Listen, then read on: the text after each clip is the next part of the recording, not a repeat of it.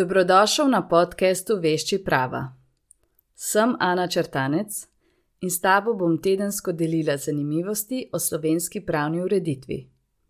Zakaj? Ker znanja o pravu ni nikoli preveč.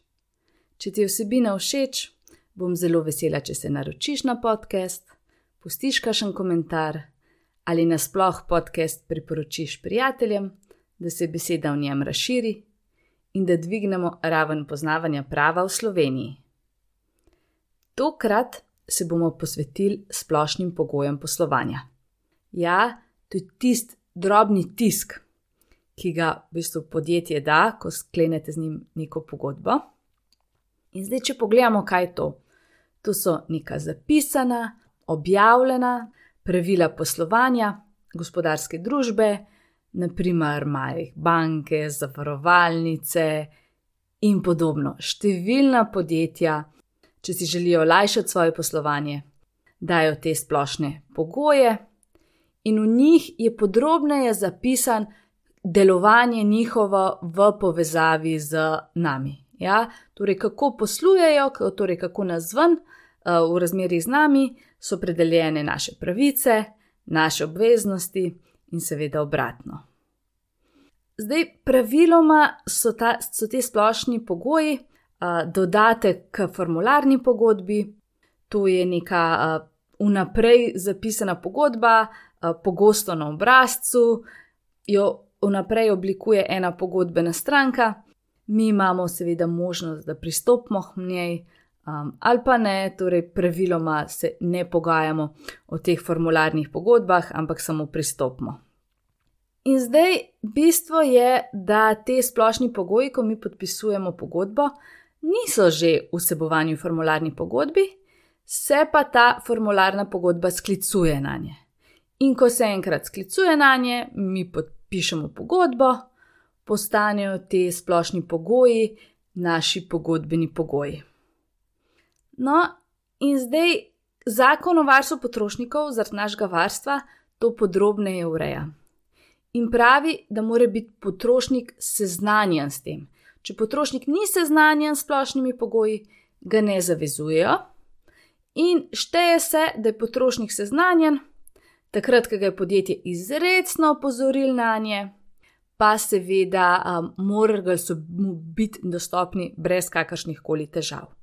Naprimer, na internetu zato doskrat vidite, da vas ne spusti dalje, če vi ne obklukate, date ene kljukce kjer piše: Prebral sem naše splošne pogoje poslovanja in če tega ne date, vas ne bo spustil, ravno zaradi te določbe, ki obstaja, da morate biti seznanjeni z splošnimi pogoji. In zdaj te splošne pogoje se doskrat zgodi, da jih kar ne preberemo. Ne? Sej, sej veš, sej si predstavljaš, kako je. Vijaš, uf, tega je pa velik, ne? Um, pa ne bom rajš prebral. Ne? Ja, to je kar mal nesmiselno. Ne? Mislim, Ni prijetno, ker uh, lahko zapišajo splošne pogoje tudi kakšna določila, ki vam uh, so v škodo. Tako da je vedno dobro, da vnaprej preberete. Zdaj, če nimate časa, da preberete, vsaj preletite. Jaz ne bom rekla, da vedno preberem. Um, ampak ja, probujem pa vsaj preleteti, če so kakšna določila, ki bi bila meni lahko v škodo, ne vem, da se zavežem za kakšne daljše časovno obdobje ali pa karkoli podobnega, ali pa če kakršni koli drugi stroški nastanejo. Piše, da morajo biti ta določila, morajo biti jasna, razumljiva. Zdaj, če niso jasna in razumljiva, um, potem karkoli je nejasnega, se bo štel v korist potrošnika, ravno zato, ker ga je v bistvu podjetje je oblikovalo, ker nas zavezuje oba, se nekako zaradi nas, zaradi varstva potrošnikov, kot šipkejše stranke se smatra potem, da, um, da se štejejo korist potrošnika, karkoli je nejasnega. In zdaj, kdo, ta, kdo te splošne pogoje sestavlja? Ja, ni nujno, da jih sestavljajo nekdo, ki je pravno podkovan. Uh, Doskrat, predvsem v teh manjših podjetjih, jih kar prepišajo od nekje. In jaz sem že videla dosti splošnih pogojev, ki so v bistvu čist uh, kar neki, sploh uh, niso pravilno sestavljeni in v bistvu dajo kar ena določila, ki jih po zakonu ne bi smela imeti. Tako da jaz bi vam svetovala, da um, vem, vem, da je to ful težko, ampak nekako ne sto procentno verjeti, da vse to, kar piše noter, je res. In če vidite, da je kakšno določilo, ki vam se zdi tako čudno, dajte pogledati v zakon, v zakon o varstvu potrošnikov. Čist možno je, da v bistvu oni tazga določila sploh ne bi smeli dati. In ker karkoli je nepošteno, določilo, ja, nepošteno pogodbeno določilo, je nično, to pomeni, da ni veljavno in se podjetje potem zaradi tega lahko podjetje dobi globo, za vas se bo pa seveda štel, kot da ta zga pogodbenega določila ni bilo. Mm, in seveda pač bo vam v korist, da pač to ne bo obveljal.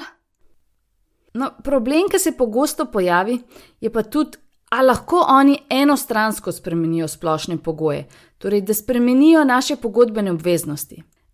Če oni enostransko spremenijo pogodbene obveznosti, se šteje to kot sprememba pogodbe in to ne vpliva na naše že obstoječe obveznosti.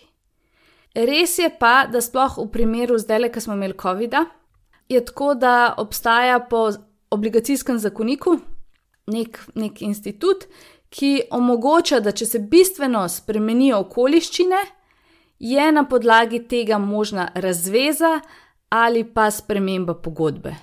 Tako da doskrat na podlagi ravno nekih nepredvidljivih okoliščin bi bilo možno, če se res tok spremenijo okoliščine, da se morda spremeni ali pa razveže. Ne. Potrošnik bi v takem primeru, če bi podjetje pol enostransko spremenil, a, lahko zahtevala razvezo. Ali pa v bistvu, da pride do spremembe, torej da se obe dve strinjata potem, da se spremeni to pogodbeno obveznost. Kar se pa tiče nekih trajnih obveznosti, naprimer smo dalj časa pri banki, smo komitenti banke, oni spremenijo svoje splošne pogoje.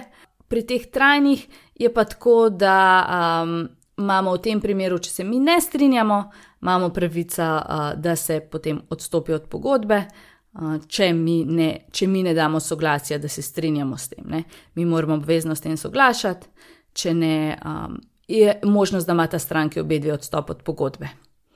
Zdaj, poseben primer je pa so še kakšni področni zakoni, naprimer zakon o elektronskih komunikacijah, posebej za internetno naročnino, za telefon, karkoli podobnega, ureja še kakšne dodatne pogoje, torej kdaj je možna sprememba pogojev, koliko časa imamo časa, da potem ali pristanemo na to spremembo ali ne, to je pa potem odvisno od posamezne zakonodaje.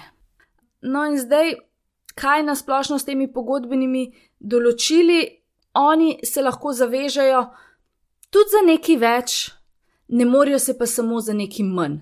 Naprimer, ne bi bilo pošteno, da bi oni rekli, da ima samo ena stranka, nosi vse, um, more vse izpolniti, drugi stranki pa ni treba nič izpolniti.